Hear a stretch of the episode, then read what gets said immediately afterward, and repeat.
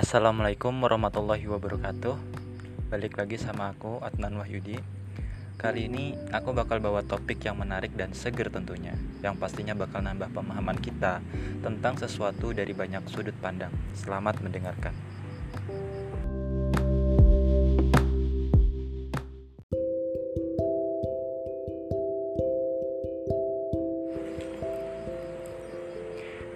Halo semuanya, selamat sore.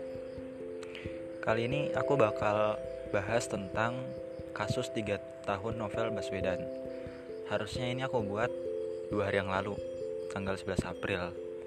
Karena kita tahu 3 tahun yang lalu, tepatnya 11 April 2017, ada sosok pejabat negara KPK yaitu Pak Novel Baswedan, adiknya Anies Baswedan yang sekarang jadi gubernur Jakarta itu dia ada kasus sebenarnya dia sebagai korban.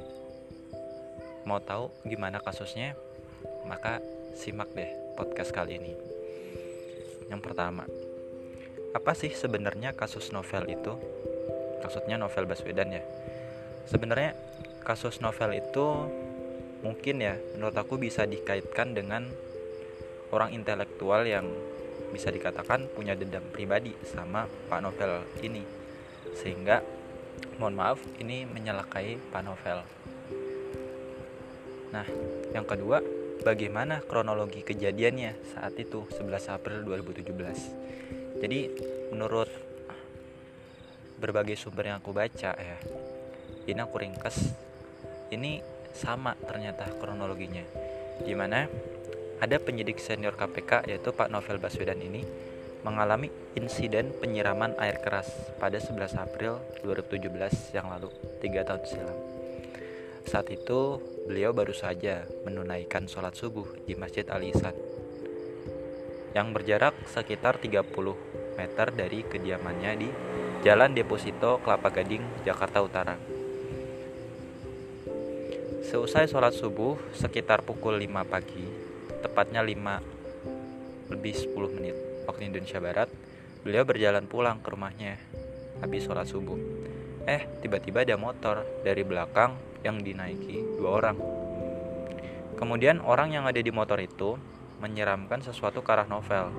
Ternyata setelah diselidiki, sesuatu itu adalah air keras yang mengenai wajah novel. Setelah mengenai wajah novel, dua orang itu yang di atas motor itu kabur.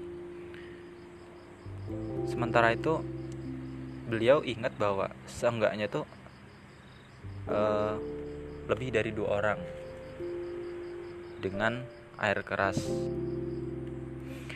Nah, dua orang ini yang menyerang Pak Novel, mereka didakwa melakukan penyiraman air keras pada penyidik senior KPK itu sebagai bentuk penganiayaan berat. Jadi intinya gini, beliau itu habis sholat subuh terus mau pulang ke rumah lalu ada dua orang yang nyiramin air keras ke mukanya beliau terus kabur. Ya udah sesimpel itu. Tapi ternyata usut demi usut penyelesaian kasus itu nggak sesimpel itu. Ternyata lebih rumit ya. Nah kita lanjut nih. Bagaimana sih hukuman si pelaku? Nah sebelum aku lanjutin aku mau cerita sedikit bahwa kan entah tahun ini atau tahun lalu ya itu ada polisi ya yang ngaku dia adalah tersangka. Ini menimbulkan greget dong terutama aku juga. Kok bisa ya ada orang yang cara terang-terangan mengaku sebagai tersangka? Aneh dan janggal seperti itu. Nah kita lanjut ya. Kedua tertak kedua terdakwa atas nama Roni Bugis dan Rahmat Kadir mereka didakwa secara terpisah, namun keduanya sama-sama didakwa melanggar pasal 351 atau pasal 353 atau pasal 355 ayat 1 KUHP Jo pasal 55 ayat 1 ke 1 KUHP. Keduanya didakwa melakukan penganiayaan berat terencana terhadap Novel Baswedan dengan hukuman maksimal 12 tahun penjara. Nah, aku punya cukup banyak analisis tentang masalah ini. Yang pertama ya, kenapa sih ada dendam pribadi? Gitu. jadi dendam pribadi antara novel sama si intelektual dalang ini. Ya aku pikir hipotesisku ini pasti ada dalang. Gak mungkin dong. Orang suruhan tiba-tiba inisiatif sendiri nyiramin air keras. Pasti ada dalang. Dan dalangnya ini pasti punya masalah tentang apa pun. Nggak cuma tentang masalah korupsi yang diatur novel Baswedan. Mungkin bisa karena masalah keluarga masalah apa pun yang emang bener-bener stuck gitu loh. Nggak bisa diselesaikan jadi mau nggak mau pakai kekerasan si dalangnya ini. Salah satunya dengan nyiramin air keras. Ya mungkin si dalang ini nggak cuma nyiramin air keras ya tapi mungkin ada kejahatan lain mungkin ya.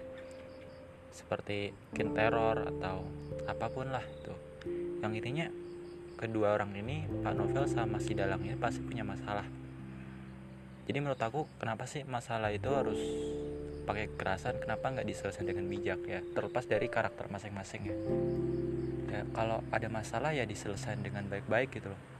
Jangan sampai kayak gini nyiramin air keras jadinya kan panjang gitu masalahnya. Kemudian yang kedua itu ya pasti masalah ekonomi si pesuruhnya ini.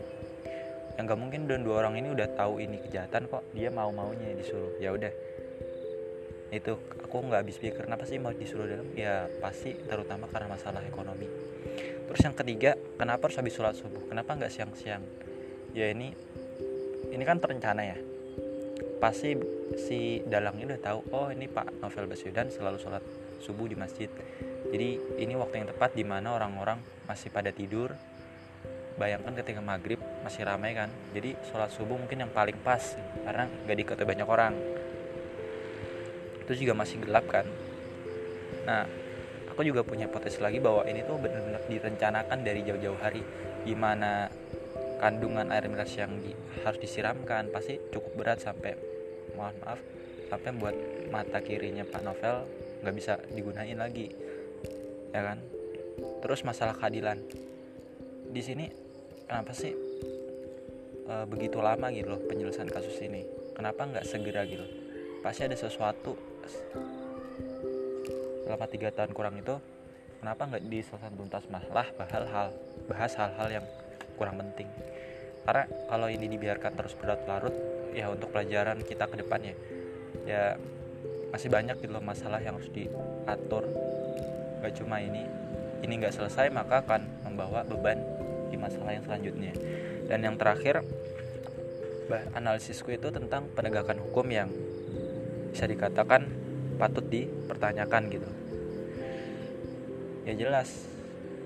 Mohon maaf ya pejabat korupsi itu sekarang malah kayak apalagi berkaitan dengan isu yang 3 September 2019 lalu tentang ya DPR cepat banget gitu loh yang mengesahkan KUHP tentang ya korupsi itu. Padahal masih kok cepet banget loh urusan serumit KPK cepet banget disahkan. Kenapa nggak dipikir dulu gitu ya terlepas dari KUHP intinya penegakan hukum di Indonesia itu kayak masih bisa dibilang masih perlu diperbaiki banyak banget ya perja pelajaran buat kita ya ke depannya supaya hal ini hal-hal kayak gini tuh jangan sampai terjadi lagi gitu Nah, kita udah sampai penghujung ya, berhubung ini juga udah maghrib. Jadi kesimpulannya itu kalau ada masalah pribadi ya selesaikan dengan bijak, dengan pala dingin. Jangan sampai orang lain tuh banyak yang tahu dan akhirnya nama baik kita tercemar kan. Kemudian juga profesional dalam bekerja. Sama seperti menyelesaikan masalah ini ya profesional dan cepat dan tuntas gitu, jangan ditunda-tunda dalam bekerja tetap buat kita semua junjung tinggi keadilan karena keadilan zaman sekarang tuh ya bener-bener udah timpangan kesimpang siuran dan juga kembali lagi ke menjunjung tinggi profesionalitas dalam bekerja sekedar ingetin bahwa profesionalitas itu penting banget. Karena jangan sampai masalah pribadi kita dicampur adukan sama urusan sepenting kerja sepenting organisasi yang kita ikuti